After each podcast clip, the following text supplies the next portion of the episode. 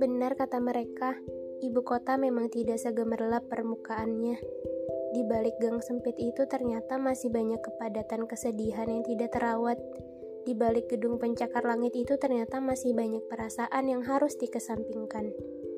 Benar kata mereka, ibu kota memang bukan tempat terbaik untuk merawat perasaan.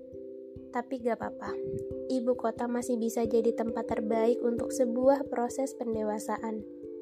Karena pada ibu kota aku belajar, meski ragu kita harus berani melangkah.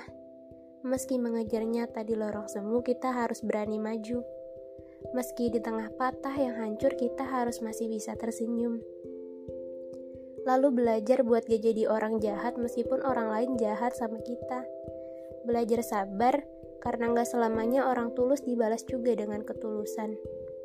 Belajar sadar karena gak semuanya rasa bisa dibalas juga dengan perasaan.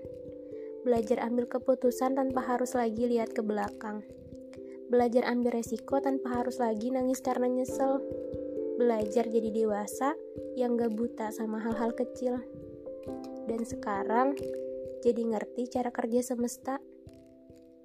Orang tulus kadang mungkin emang suka dibercandain, tapi semesta gak pernah ngasih sisa, apalagi kembalian buat orang-orang yang udah berlaku dengan tulus dalam kebaikan. Jadi ngerti cara kerja perasaan.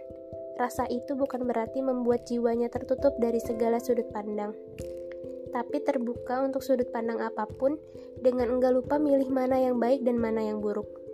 Dan pada ibu kota aku belajar bahwa kesederhanaan adalah harta yang paling mahal harganya.